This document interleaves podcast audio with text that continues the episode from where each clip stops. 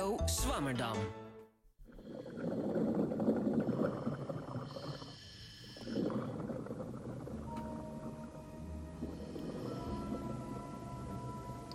This is a motion picture studio 165 feet under the sea. These divers, wearing the compressed air aqualung, are true spacemen, swimming free as fish.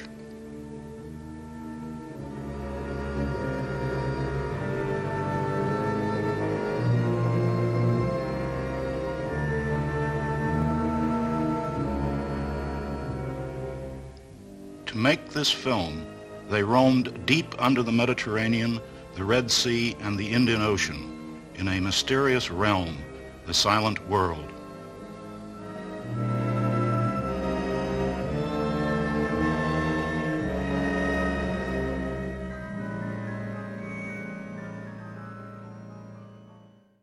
Mensen kunnen niet goed horen onder water. Heel lang hebben we daarom gedacht dat het stil is onder de zeespiegel. In de meeste natuurdocumentaires is ook maar bar weinig te horen als de kamer onder water duikt. Je hoort dan vooral bubbels, misschien wat gedempt geluid van de golven.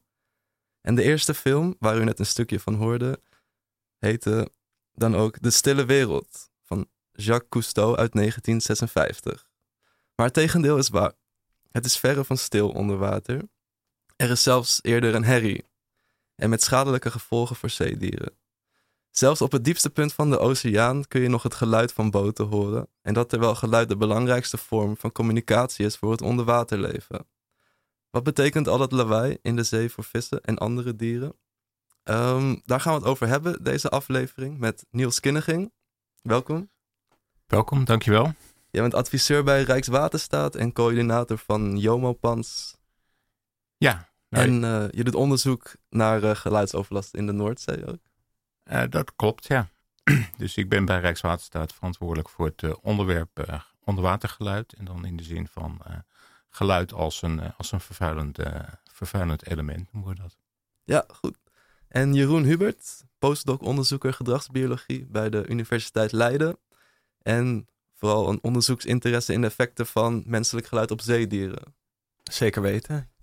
Ik heb ook Hans Slabbekorn ge eerder geïnterviewd. Uh, Hans is hoogleraar akoestiek, akoestische ecologie en gedrag aan de Universiteit Leiden.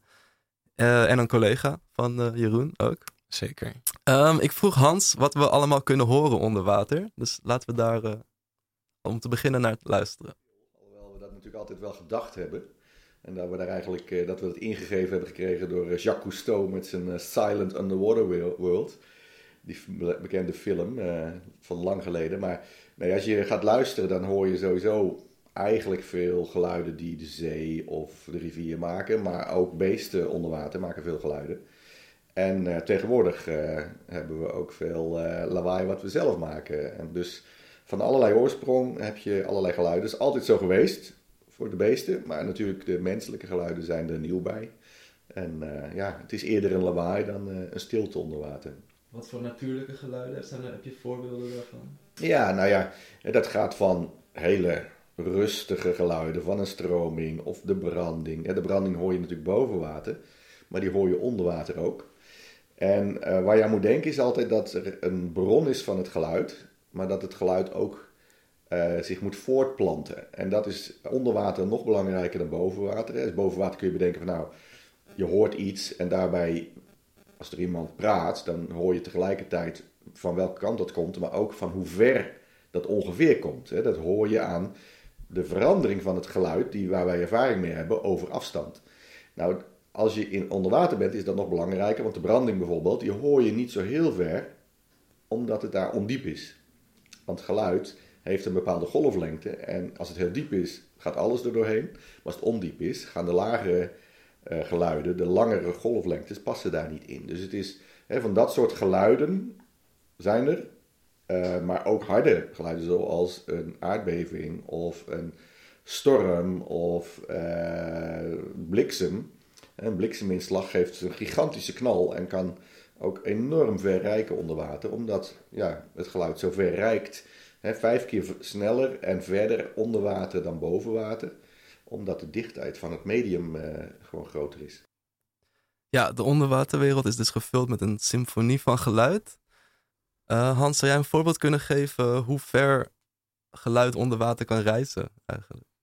Je bedoelt mij, uh, Niels. Je zei Hans. Maar... Oh, excuus. Oké, nou ja, als, als voorbeeld. Uh, er wordt windparken worden aangelegd. Dat gebeurt met heien. Als we niks aan dat heien doen, dan kan dat geluid wel tot 50, 60 kilometer afstand op de Noordzee, wat vrij ondiep is. En Hans zei al van, ondiep komt het toch niet zo ver, maar dan kan het toch op zo'n grote afstand, uh, is dat gewoon nog, nog goed hoorbaar.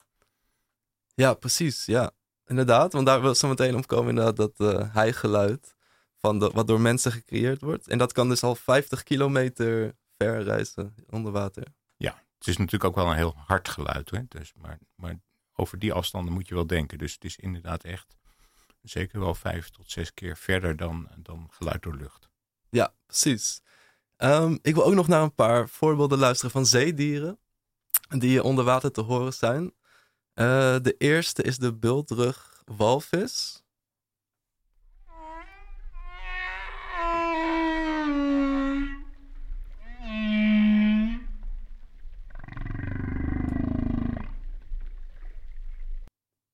Dat was de bultrugwalvis. En volgens mij kunnen die ook 16 kilometer verder te horen zijn, hè, Jeroen? Klopt dat? Uh, ja, dat zou best kunnen. Ja, er, er is op zeker de, de diepere oceanen is ook een soort sound channel op een wat grotere diepte. En dan kunnen die, die bultruggen of andere zeezoogdieren echt nog veel verder dan dat uh, te horen zijn. Maar ja, je weet dan niet per se of ze, of ze zelfs op zo'n grote afstand nog echt met elkaar communiceren. Of dat het, gewoon, ja, dat het nog een nut heeft dat ze zo ver te horen zijn. Maar zo'n uh, zo'n afstand klinkt best realistisch, inderdaad. Goed. Laten we nog naar een voorbeeld luisteren van geluid onder, de, onder het water.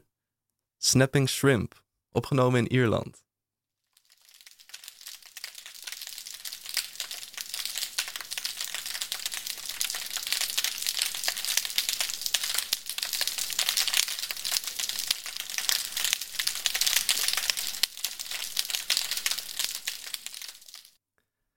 Dat was de snapping shrimp en de schelvis, die uh, ook in de Noordzee uh, leeft.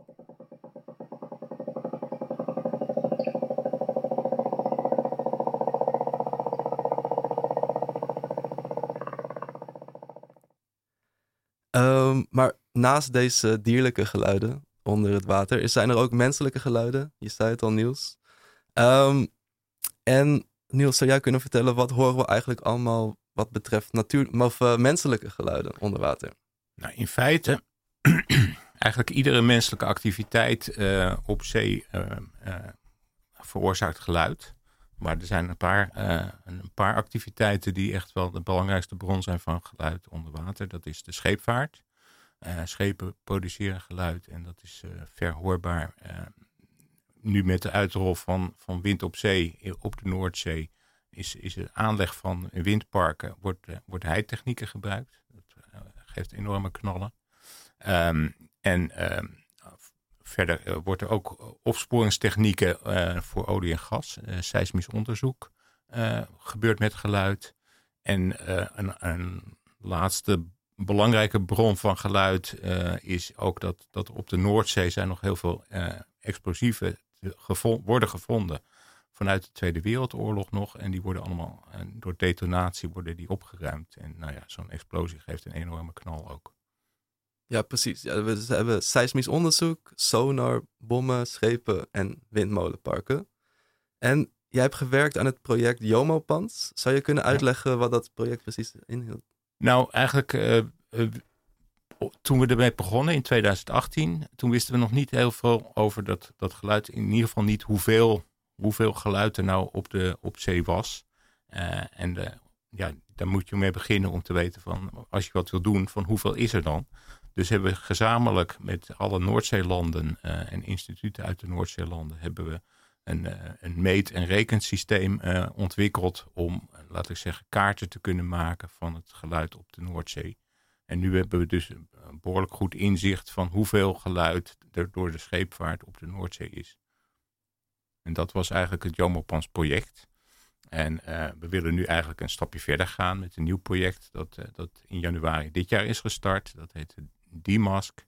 En daarin gaan we kijken van ja, wat, wat voor mogelijkheden zijn er dan? En kunnen we ook voorspellingen gaan doen over hoeveel geluid er dan is als, als, met de ontwikkelingen die gaande zijn op de Noordzee. Oké, interessant. Ja. En hoeveel geluid is er in de Noordzee?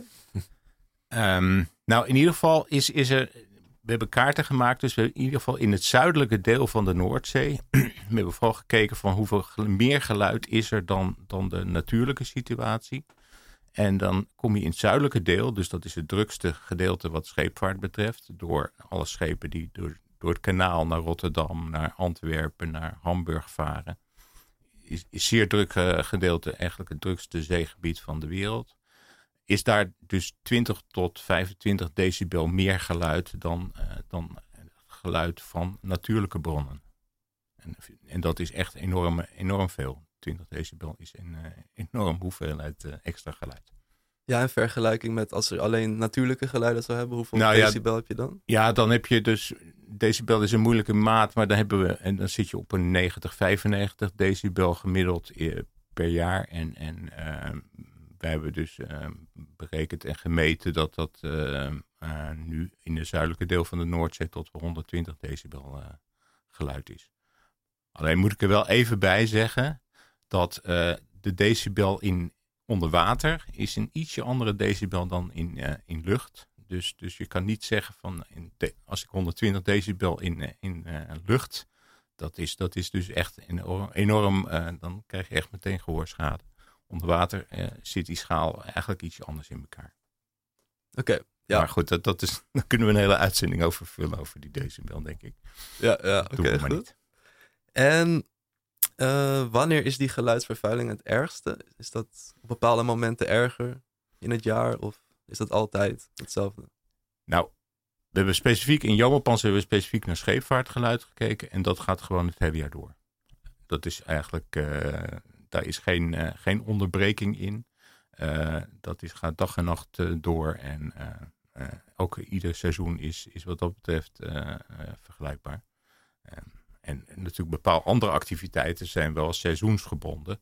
Zoals heien en, seismisch onderzoek. Dat kan je meestal in de winter niet doen. Maar dat gewoon het, het scheepvaart van naar Rotterdam en Hamburg gaat gewoon het hele jaar door.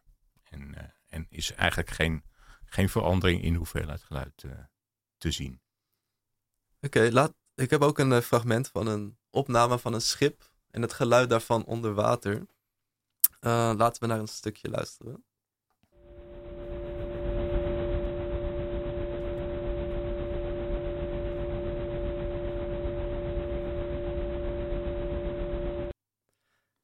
En wat aan schepen maakt nou dat het zoveel geluid maakt? Is dat de schroef of wat precies aan maakt dat geluid?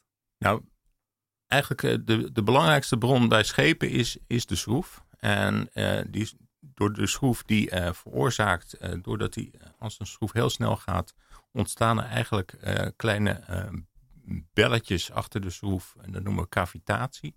Dat, zijn, dat is eigenlijk kleine, nou, er zit, zit, geen lucht in, het is eigenlijk een soort belletje vacuüm. En die imploderen, dus die klappen samen.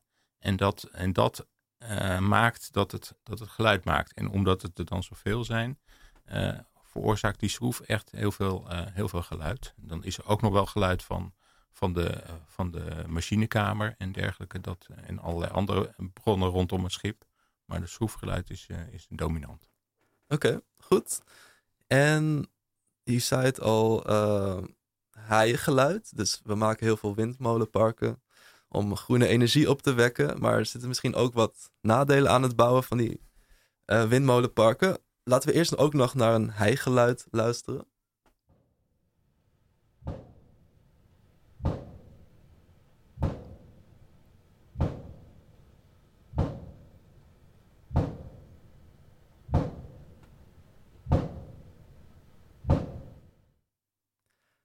Hoe diep moet zo'n paal de bodem in eigenlijk? Nou, die, uh, die palen worden neergezet, laat ik zeggen, op, de, op stukken van de Noordzee waar het uh, op dit moment de nieuwe parken is het zo'n 30 meter diep. En dan moet die paal moet toch uh, minstens even ver de bodem ook in om, om een stabiele constructie te hebben. En de wind, de windturbines zelf, die, die zitten wel op een paar honderd meter hoogte. Dus, dus het zijn echt enorme gevaartes die, die dus wat geheid wordt. En wat ook heel belangrijk is, is de, de diameter van zo'n paal. Die, waar we, de eerste parken waren die diameter, nou, laat ik zeggen, meter of vijf, zes. En nu, um, nu zitten we toch aan 10 meter diameter. Die in één, met, met gewoon heitechniek de bodem ingeslagen wordt. Ja, precies. En er zijn ook ecologische effecten van dat haaien en effecten op uh, de zeedieren. Um, Jeroen, zou jij daar wat over kunnen vertellen? Of wat precies de effecten van dat haaien zijn op de vissen en de andere zeedieren die daar leven? Jazeker. Ja, dat haaien is dus ook best wel ver uh, te horen. En um, voor vissen bijvoorbeeld die heel erg dicht bij de heipaal zijn, kan die, dat geluid zo luid zijn dat ze zelfs fysieke schade oplopen. Dus puur door die, uh, die drukgolf kan, uh, kan een deel van het weefsel scheuren of kunnen er scheurtjes in de haarvaten of andere stukken van het weefsel uh, komen. En heel dicht bij die paal kunnen vissen zelfs spontaan doodgaan, omdat die drukgolf zo hoog is. Maar dat geldt dus voor een relatief laag aantal dieren, omdat dat dicht bij de paal is. Dus veruit de meeste vissen, die zullen natuurlijk op een veel grotere afstand blootgesteld worden aan dat geluid. En dan heb je te maken met andere type effecten. Dus dan zullen ze waarschijnlijk hun uh, gedrag veranderen, de activiteiten, of zullen ze misschien ja, stress hebben, waardoor ze dus minder toekomen aan andere activiteiten, zoals voedsel zoeken en van dat soort dingen. Maar dit type geluid kan ook natuurlijke geluiden maskeren. Dus als ze bijvoorbeeld op zoek zijn naar naar een bepaald leefgebied wat bepaald geluid heeft. Dus dan gebruiken ze dat geluid om, uh, om dat op te zoeken. Maar als dit soort type geluid de hele tijd aanwezig is, dan uh, zullen ze daar toch minder succesvol in zijn. Oké, ja, dus met maskeren bedoel je dat ze gebruiken het geluid om eten te zoeken en voor te planten. Soortgenoten te vinden. En door dat geluid wordt dat gemaskeerd? Of ja, ja, ja. ze niet meer horen? Ja, precies. Dus, uh, dus als er ja, dit, dit soort geluid van heien of scheepvaart... of als dat uh, aanwezig is, dan zal je andere geluiden minder goed uh, horen. Terwijl het natuurlijke onderwatergeluid dus heel erg belangrijk is voor, voor dieren. Omdat je... ja, wij als mensen oriënteren ons heel veel op basis van zicht... Terwijl onder water, zeker in de Noordzee, is het natuurlijk veel troebeler. Dus dat zal voor dieren, ja, die, die gebruiken echt hun, uh, hun gehoor om, uh, ja, om te bepalen waar ze naartoe gaan. Of, uh, of waar ze hun voedsel moeten zoeken. Of om weg te blijven van, van roofdieren. Dus er zijn allerlei studies ook gedaan waar dieren dus blootgesteld worden aan, aan natuurlijke geluiden. En daar is heel vaak inderdaad een, een reactie op. Dus we hebben bijvoorbeeld uh, recent een onderzoek gedaan samen met uh, het Vlaams Instituut voor de Zee, waar we uh, oesterlarven hebben blootgesteld aan natuurlijk geluid. En oesterlarven, dat, dat zijn dus larven die door de waterkolom heen kunnen zwemmen. En die luisteren dus naar geluid van bestaande oesterriffen. En als ze dat dan horen, dan weten ze van oké, dit is een plek waar mijn soortgenoten succesvol zijn. Dus als ze dat geluid daarvan uh, horen, dan laten ze zich zakken en dan zullen ze zich ook vestigen. Maar als op hetzelfde moment allerlei ander geluid uh, van mensen uh, wordt geproduceerd, dan missen ze die kans misschien en dan stromen ze weer verder met, met de stroming. Um, ja, we hebben dus, daar wil ik zo meteen nog verder over hebben. Maar ik wil ook nog naar seismisch onderzoek luisteren. Um, zou je dat...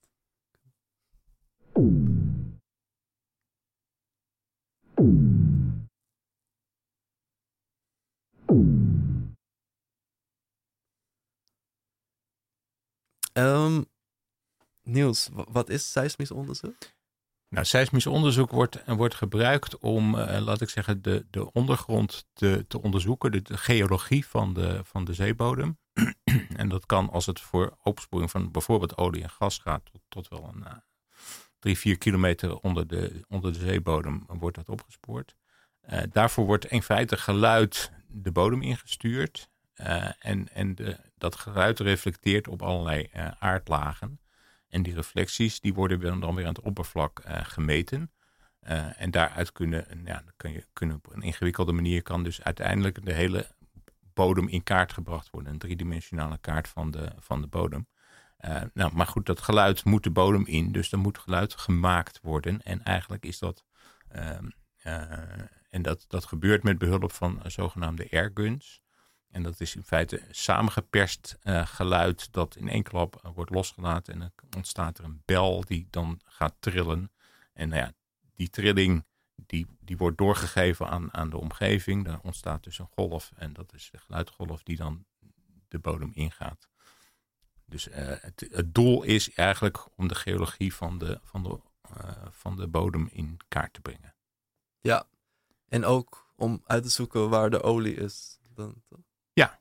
ja, want dan, uh, dan, dan, kunnen dus inderdaad geologen die kunnen uit die, uit die gegevens halen of die weten hoe de, hoe de bodem is en, en aan de hand van eventueel nog wat extra boringen kunnen ze dus precies de structuren zien en, en ook waar dan de olie en gas uh, voorraden kunnen zitten. En, uh, en dus met veel meer zekerheid ook een uh, ja, olie gaan winnen. Um, en niet alleen in de Noordzee is er veel herrie. Um, Hans Labbekorn is ook meegegaan op het onderzoek Pelagia in de Atlantische Oceaan. En dat schip is vernoemd naar Pelagisch, oftewel horend tot de diepzee. En hij heeft daar ook geluidsopnames gemaakt op meer dan twee kilometer diepte. En ik heb hem uh, gevraagd naar zijn ervaringen op die uh, tocht. Ja, dat was fantastisch. Ja, dat was een, uh, een, een, hele complexe trip voor, met heel veel verschillende fases. En ik heb maar in één ja, stuk van die, trip, van die trip meegedaan. Dus ik stapte op op de Azoren. En op het ene eiland en op het andere eiland ben ik weer afgestapt. Maar vanaf de Azoren zijn we zo'n 600 kilometer richting Brazilië gevaren. En daar kom je op uh, de Mid-Atlantische rif, waar je dus een, een, een, breuklijn hebt, waar allerlei vulkanische activiteiten zijn. En waar je van die heetwaterbronnen onder water hebt. Nou, dat is op meer dan twee kilometer diepte. En van op het NIOS is Sabine Gulner onderzoekster die daar ja, de dierenfauna onderzoekt. Ja, het was fantastisch. We hebben daar gewoon onze apparatuur de zee in gegooid aan een gewicht van 200 kilo. En dat deed er zo'n 20, 25 minuten over voordat het op de zeebodem terecht kwam. En dan ligt het daar. En we zijn toen een aantal dagen activiteiten gaan verrichten. En na een paar dagen hebben we dat weer opgehaald. En toen deed hij er een half uur over voordat hij aan het oppervlakte kwam. Nou, dan moet je hem nog vinden. Daar op de Atlantische Oceaan. Het was rustig weer, gelukkig. Maar dan zit er ook gelijk een zendertje uh, op die, uh, die wij kunnen waarnemen. Uh, en een lichtje als het in donker gebeurt. En die schippers die varen dan er langs en met een haak kunnen we de touwen van onze hydrofoon weer, weer beetpakken. En haal je hem weer boven. En kun je gaan, ja, gaan downloaden de hoeveelheid akoestische informatie die je daar hebt opgenomen. Ja, dus het was echt wel een spannende, spannende exercitie. Ja. Hoe ziet zo'n hydrofoon eruit? Nou, die hydrofoon stelt er uh, niet zo heel veel voor. Dat lijkt gewoon eigenlijk op een geplastificeerde versie van de microfoon die je hierbij hebt. Alleen wat, uh, ja, wat het meeste natuurlijk is als je hem een tijd lang wil laten opnemen op de bodem, is uh, batterijen. Dus er zit eigenlijk een, een koker die tegen de hoge druk kan omheen. En die waterdicht is, waar een hele groot pakket batterijen in zit. En ook nog wat ruimte voor, ja, voor de voor de opnamecapaciteit, voor de geluidsopnames. En die, uh, ja, die hydrofoon die steekt er eigenlijk als een puntje, puntje uit. En ja, zo komt hij op de bodem te liggen met een gewicht. En haal je hem weer naar boven als je, als je denkt van nou ik heb voldoende data gehaald. En soms blijven ze weken of maanden op de bodem. Dat hebben we nu niet gedaan, maar dat is ook al eerder gebeurd. En nou, in ondiepere gebieden zoals in de Noordzee of in de rivieren ja, laten we vaak uh, voor 24 uur of voor een week zo'n hydrofoon liggen. En ja, kunnen we hem ophalen en hem weer ergens anders neerleggen. Maar twee kilometer diepte was toch wel een, een, een uitdaging die ik nog niet eerder had meegemaakt. Ja. Wat hoorde je eigenlijk daar op die opname? Nou, het is er vooral best wel stil. En dat is interessant, want vanuit geluidstechnisch oogpunt betekent dat dat je ook niet zo hard geluid hoeft te maken om bijvoorbeeld te communiceren. We, we, eigenlijk is de ondiepe, eh, ondieptes van eh, de branding, van rivieren, dat zijn best wel lawaaiige omgevingen. Zonder dat wij daar iets aan toe hoeven te voegen, ja, is het behoorlijk lawaaiig. Eh, ga je naar een meer of stille sloten, kanalen die heel langzaam stromen, of naar de diepzee, dan kom je eigenlijk in steeds stillere gebieden. Dat zijn ook de plekken waar we de meest gespecialiseerde hoorders in het, uh, in het uh, dierenrijk vinden. Dus daar vind je echt specialisten die echt hele uh, lage geluidsniveaus nog kunnen waarnemen. En vaak weten we dat bijvoorbeeld bij diepzeevissen. Ja, daar vinden we hele aparte gehoorstructuren waarvan we eigenlijk niet weten ja, wat voor speciale functionaliteit daar nou voortkomt. Hè, de, visjes, vissen hebben bijvoorbeeld uh, calciumsteentjes, uh, ge gehoorsteentjes in hun hoofd, vlak bij de oren, waar haarcellen zitten die veel op onze haarcellen lijken, die wij in onze oren hebben. Eigenlijk hebben wij natuurlijk ook onze haarcellen van die vissen overgenomen in de evolutionaire tijd. Maar die steentjes die zijn belangrijk, want dat zijn een soort, die zijn zwaarder dan het omgevende weefsel van de vis en zwaarder dan water. Dus als er een geluidsgolf doorheen komt, dan gaat die ietsje langzamer heen en weer dan de vis en het water daaromheen. En die haarcellen die detecteren dat. Nou, bij de, bij de vissen die aan de oppervlakte voorkomen, zijn dat gewoon ovale of ronde steentjes.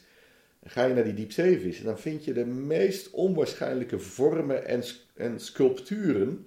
Ja, die waarschijnlijk onder een bepaalde hoek of een bepaalde trillingseffect hebben als daar geluid doorheen komt. Maar ja, uh, je moet dan eigenlijk onder dat soort omstandigheden de natuurlijke gedragingen zien en de natuurlijke geluiden weten en zien hoe beesten daarop reageren om dat te gaan snappen. Nou ja, we hebben wel diepzeevissen naar boven gehaald en we kunnen ze de, uh, determineren en uh, ja, dissectie op, op uitoefenen om te kijken hoe ze in elkaar zitten. Maar dat gedrag op, op die dieptes, ja, dat blijft nog steeds wel een black box wat dat betreft.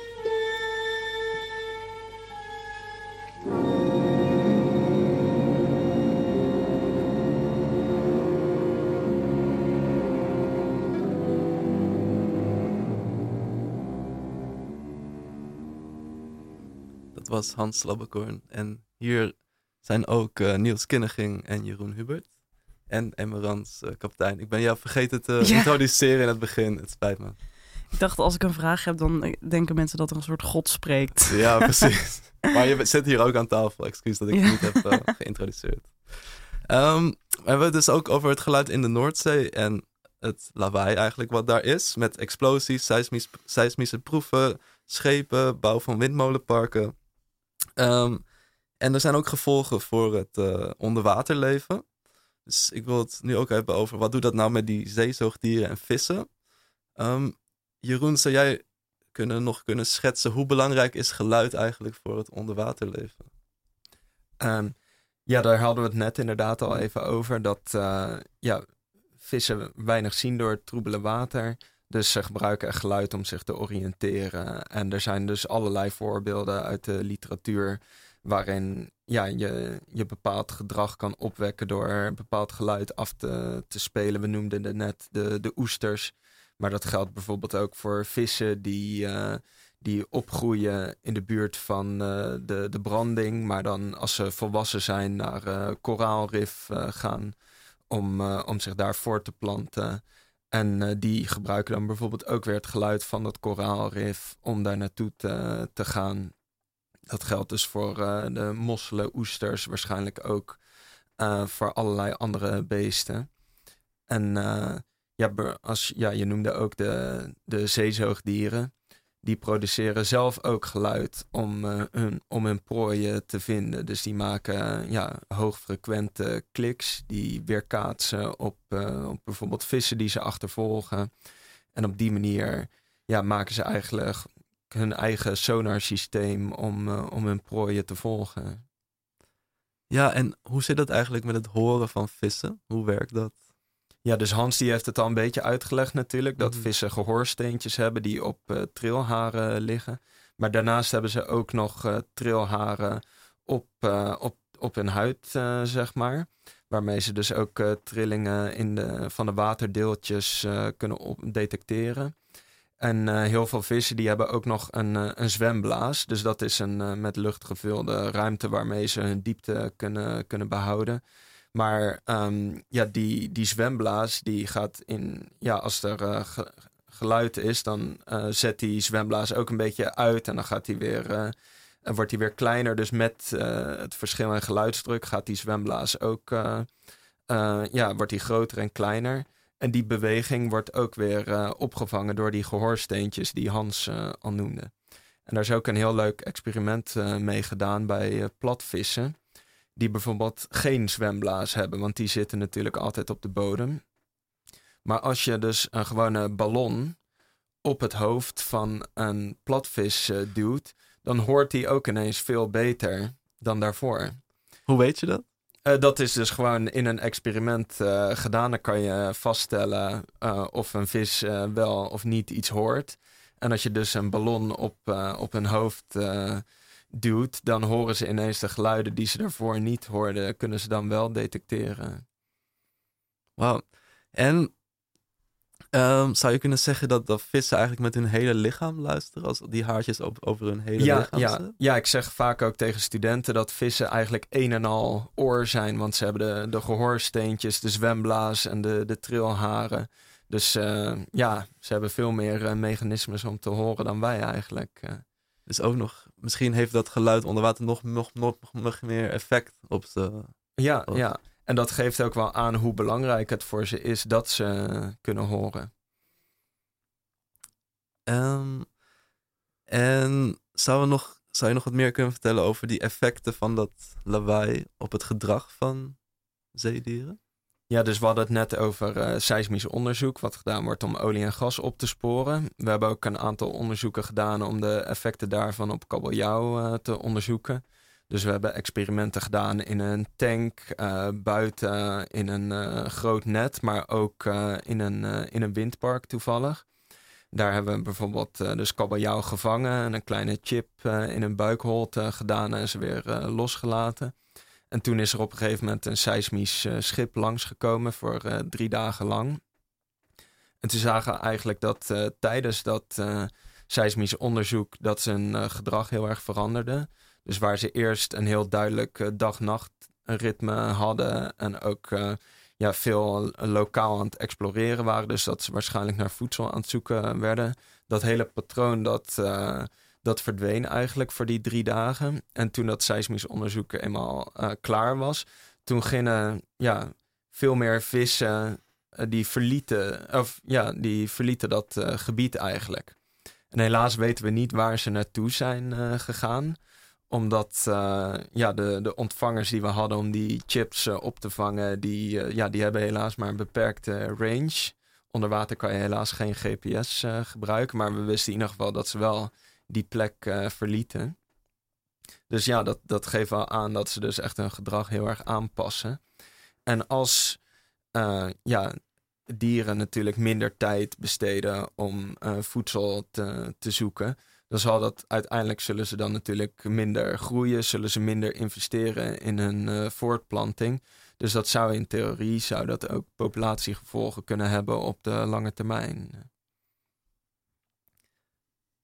Ja, en um, Niels, jij maakt ook onderscheid tussen, uh, volgens mij, haaien is in, in het moment heel hard. Ja. Maar je maakt ook onderscheid tussen continu geluid. Ja, nou, je, we hebben al een aantal, aantal voorbeelden gehoord van verschillende soorten geluid. En, en dus, dus heien en het uh, seismisch onderzoek, dat noemen we dan uh, impulsief geluid. Hè? Dus dat zijn gewoon uh, klappen die vaak wel heel, heel hard zijn, dus hoge geluidniveaus. En je hebt bijvoorbeeld scheepvaart, die we gehoord hebben. Ja, dat is meer dus, dus inderdaad een, een continu gebrom en, en dat dat gewoon maar doorgaat en niet weinig pieken daarin. En, um, en dus uh, ja, het is, het is ook, laat ik zeggen, de, de effecten die we dan van die, die twee soorten uh, geluid hebben, die, die zijn ook gewoon verschillend. Dus waarbij impuls, impulsief geluid uh, kijken we toch vooral naar, naar schade, even, in het uiterste geval sterfte, maar ook, ook tijdelijke of permanente gehoorschade van, van dieren. Terwijl voor continu geluid kijken we toch met, name naar dat maskeringseffect. Hè, dus de, de verstoring van communicatie. Of, of eventueel het, het, het, het ja, ehm, ik zal maar zeggen, het soort vluchtgedrag. Dus het, echt het ontwijken van de geluidbronnen. Uh, dus dat zijn verschillende soorten effecten. En daarom behandelen we het ook gewoon als, uh, als verschillende, uh, verschillende typen geluid. Mag ik wat, mag ik wat vragen?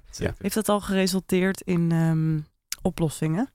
Dus stille, stille boten bijvoorbeeld? Zou ik dan... Nou, er wordt, er wordt inderdaad al, al vrij veel uh, wordt onderzoek gedaan om schepen stiller te maken. Dat is, dat is mogelijk. Um, het is gewoon, met name onderzoeksschepen of, of marineschepen, die zijn duidelijk stiller dan de koopvaardijschepen. Dus de techniek is mogelijk. Maar ja, goed, daar zit natuurlijk een prijskaartje aan. Dus, dus wordt er nog steeds verder, eh, verder onderzoek aan gedaan.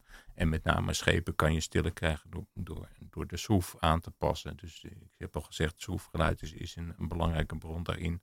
Nou, als je die ontwerp van de schroef kan aanpassen. Dan, en uh, we hebben in Nederland een onderzoeksinstituut uh, Marin in uh, Wageningen, die, die daar specifiek ook op, op aan het onderzoeken is van hoe moeten we dat dan precies doen. En, en, en, voor, voor het heien kan je het eventueel afschermen met, met laat ik zeggen, met, met bellenschermen. Dus door een soort scherm van bellen rondom de hei-installatie te leggen, kan je het geluid dempen en komt het eigenlijk niet verder in het, in het milieu terecht.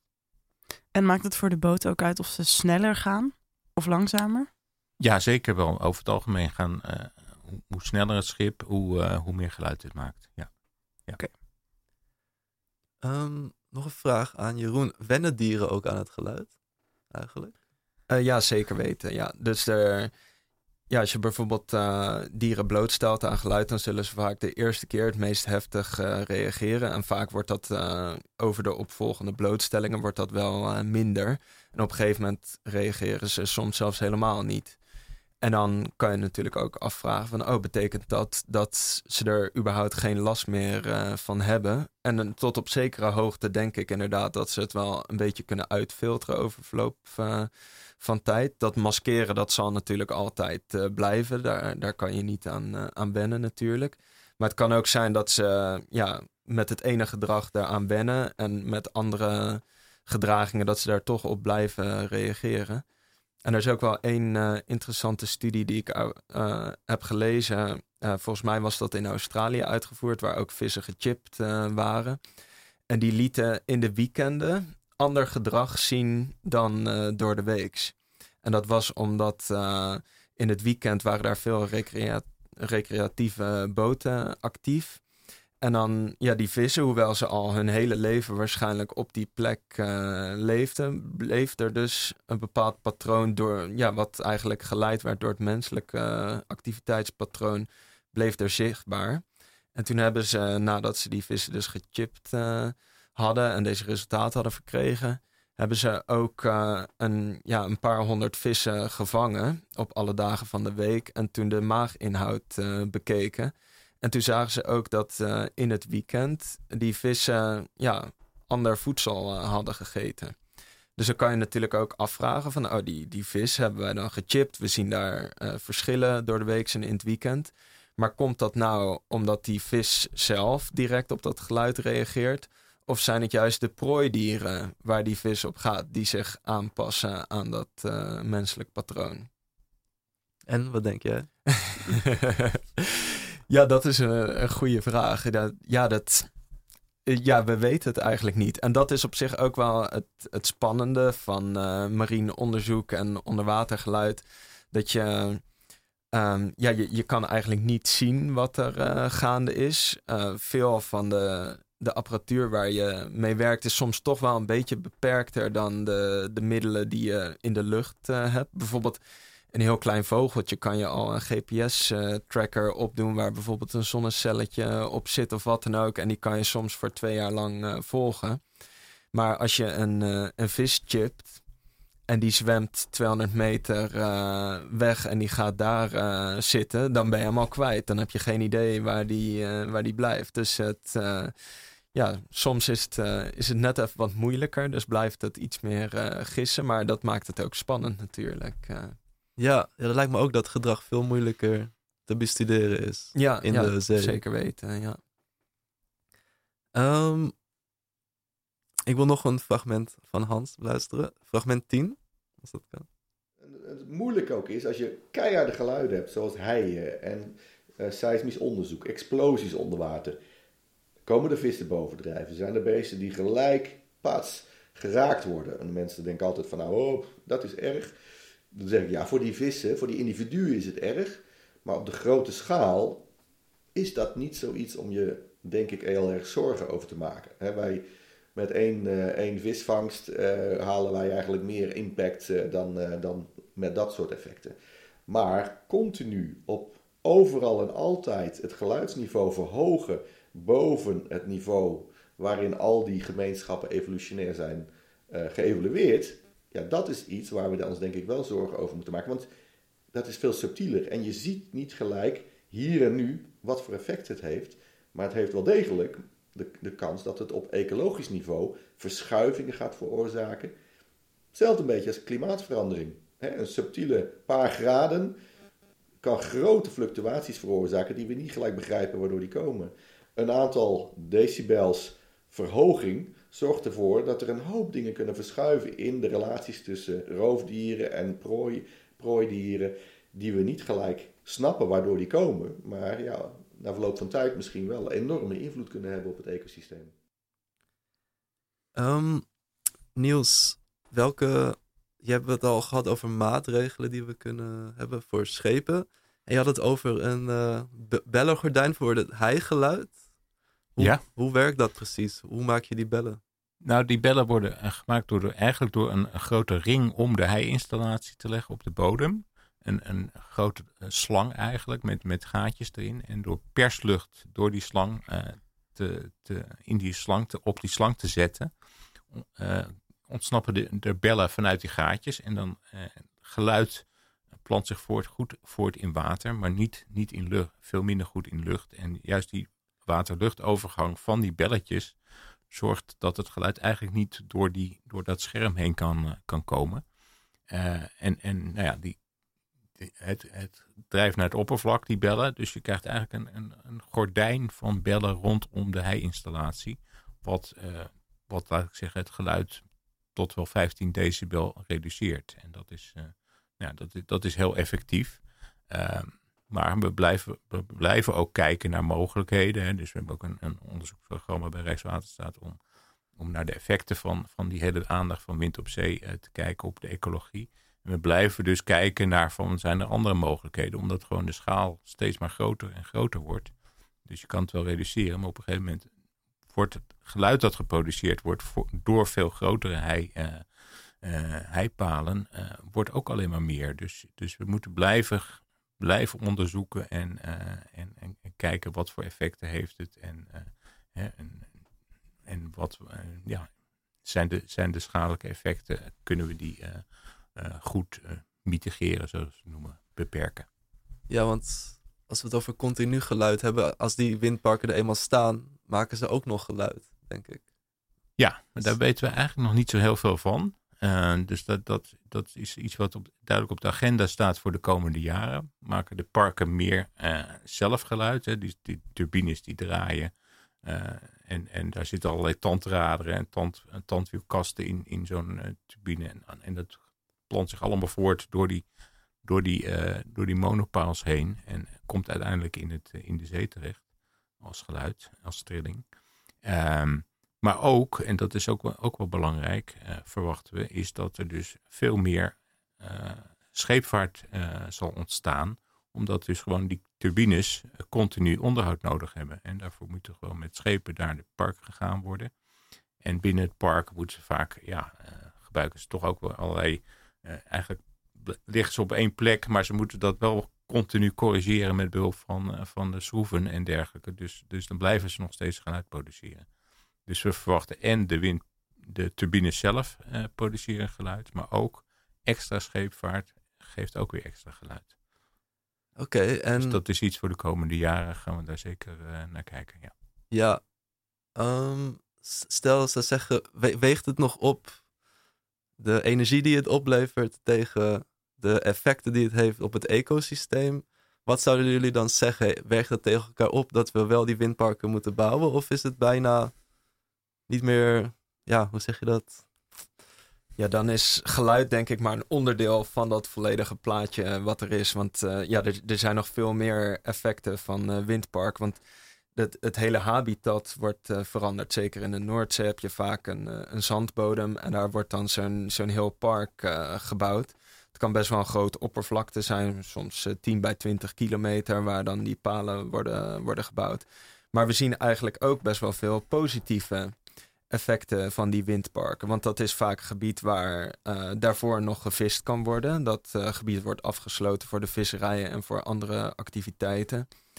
En er wordt uh, allerlei hard substraat geplaatst, want die, die palen zelf, maar er worden ook rotsen omheen gestort om te voorkomen dat dat zand wegspoelt. En dat vormt eigenlijk ook habitat voor allerlei soorten, zien we.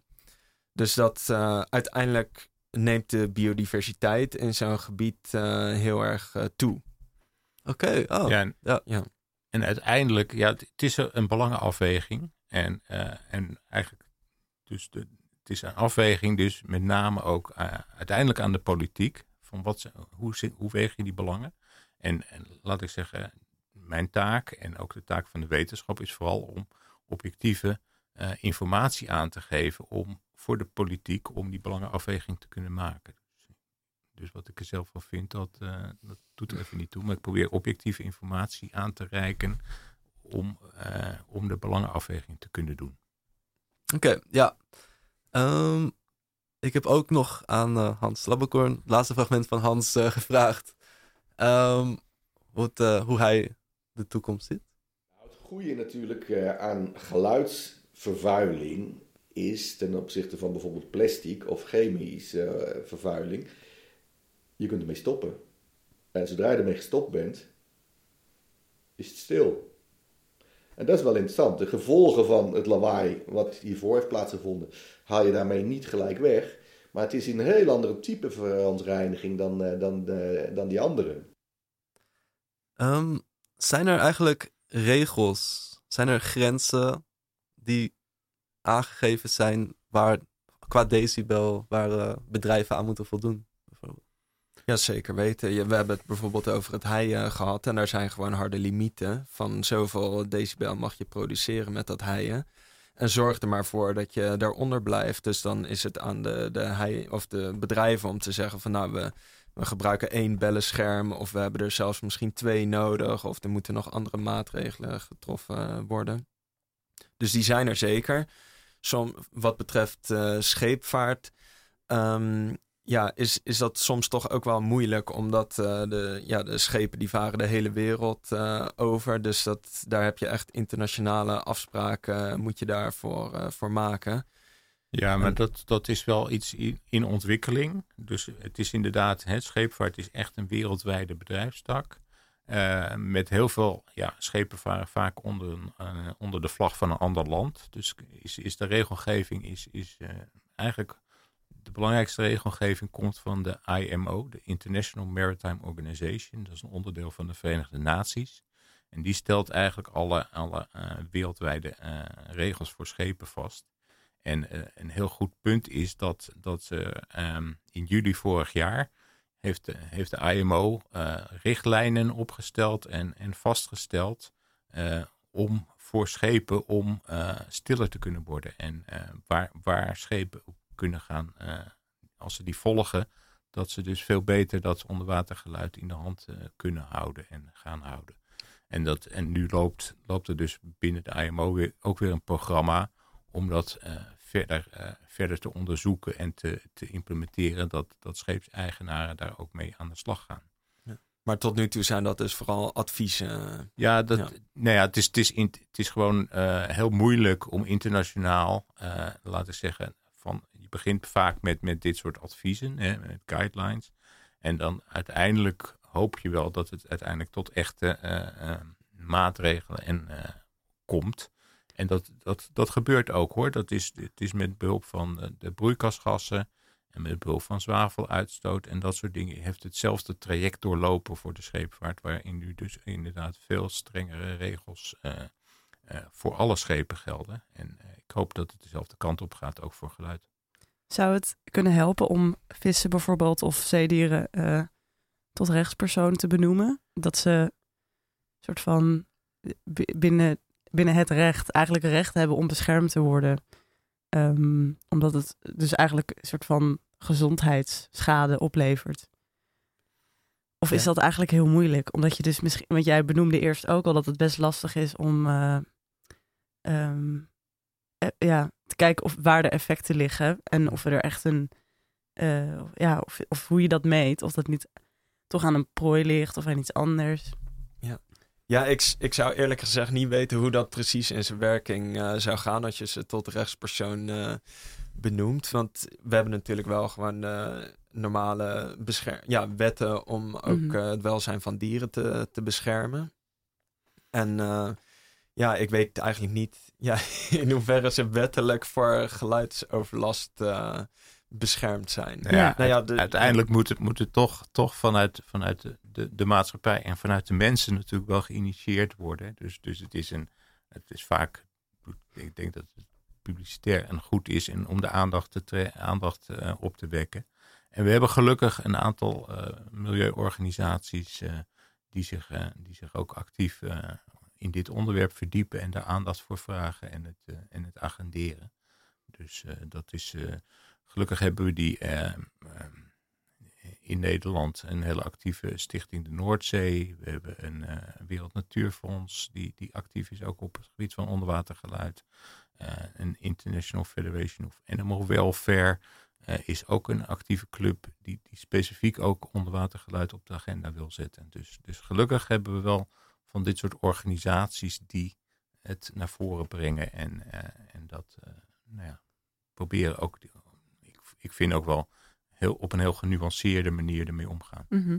Ja, het lijkt me best wel lastig om eh, ehm, te moeten pleiten voor een wereld die zo anders is dan waar we zelf in zitten. Omdat, je, omdat zeg maar, het water is letterlijk een andere substantie. Dus ehm, ja, ik vind het altijd interessante, iets interessants om te moeten overbruggen. Hoe je nou precies het belang eh, laat zien van een andere wereld. Ja, dat is wel een Ja. goeie, want we begonnen natuurlijk met het eh, fragment uit, Ja. eh, uit de documentaire. En dan hoor je in het begin wel een beetje de, de bubbels van de duiker. En dan op een gegeven moment wordt er zeg maar klassieke muziek eh, gespeeld. Dus het beeld wat heel veel mensen hebben van natuurdocumentaires, dat zijn natuurlijk de, de prachtige kleuren van de koraalriffen en van dat soort dingen. Maar het natuurlijke geluid wordt vaak niet eens uitgezonden. Want Ja. dan wordt er muziek om een spannende achtervolgingsscène ehm, ja, te ondersteunen, wordt dan gebruikt. Dus het zou al, al mooi zijn om meer van dat natuurlijke geluid ook te gebruiken in documentaires. Om je, ja, zodat eh, mensen dus beter zien wat het belang daarvan is. eh. Ja, goeie. Onze Ja, dat vond ik ook toen ik dit begon te onderzoeken. Dus ja, omdat het zo'n andere wereld is en we kunnen het niet echt waarnemen. Dat we er nog niet, ja, misschien niet heel veel mee bezig zijn. Maar ik merkte ook dat iedereen die, er, die ermee bezig is ook eh, er wel hard voor heeft. Iedereen wilde graag meedoen en eh, dat was ook heel mooi om te zien. En dat jullie, het is ook volgens mij best wel een, gemeenschap. Dat jullie kennen elkaar allemaal die eh, in dit werkgebied onderzoek doen. Dat vond ik mooi om te zien. Ehm, Ja, en dat helpt natuurlijk ook dat, dat we dit soort internationale projecten kunnen, eh, kunnen uitvoeren. En dat, eh, dat we dus zeker met alle, alle landen en instituten en alle kennis rond, eh, rond de Noordzee, dat we die ook wel echt op die manier bij elkaar krijgen. En, en ja, mijn ervaring is dat dat inderdaad ook, ook in de andere landen men zeer enthousiast is en, en graag eraan aan werkt. Ja, nog één korte vraag, Jeroen. Zijn er nog onzekerheden over de toekomst qua effecten op de ecologie? Wat Ja, zou jij... 100 procent. Ik denk dat het beeld wat we hebben van die effecten is best wel beperkt. We zien, denk ik, directe veranderingen in gedrag en fysiologie. Maar dus echt die langetermijn effecten en de effecten op po- populatieniveau, die zijn nog eh, ja, weinig in kaart gebracht. Dus dat is eh, zeker iets wat we, wat we in de komende tijd moeten oppakken. Ja, en eh, hiermee wil ik ook de uitzending dan afsluiten. Ehm, Hans, Niels en Jeroen, bedankt voor het interessante gesprek. Graag gedaan. Vandaag was mijn... Oh.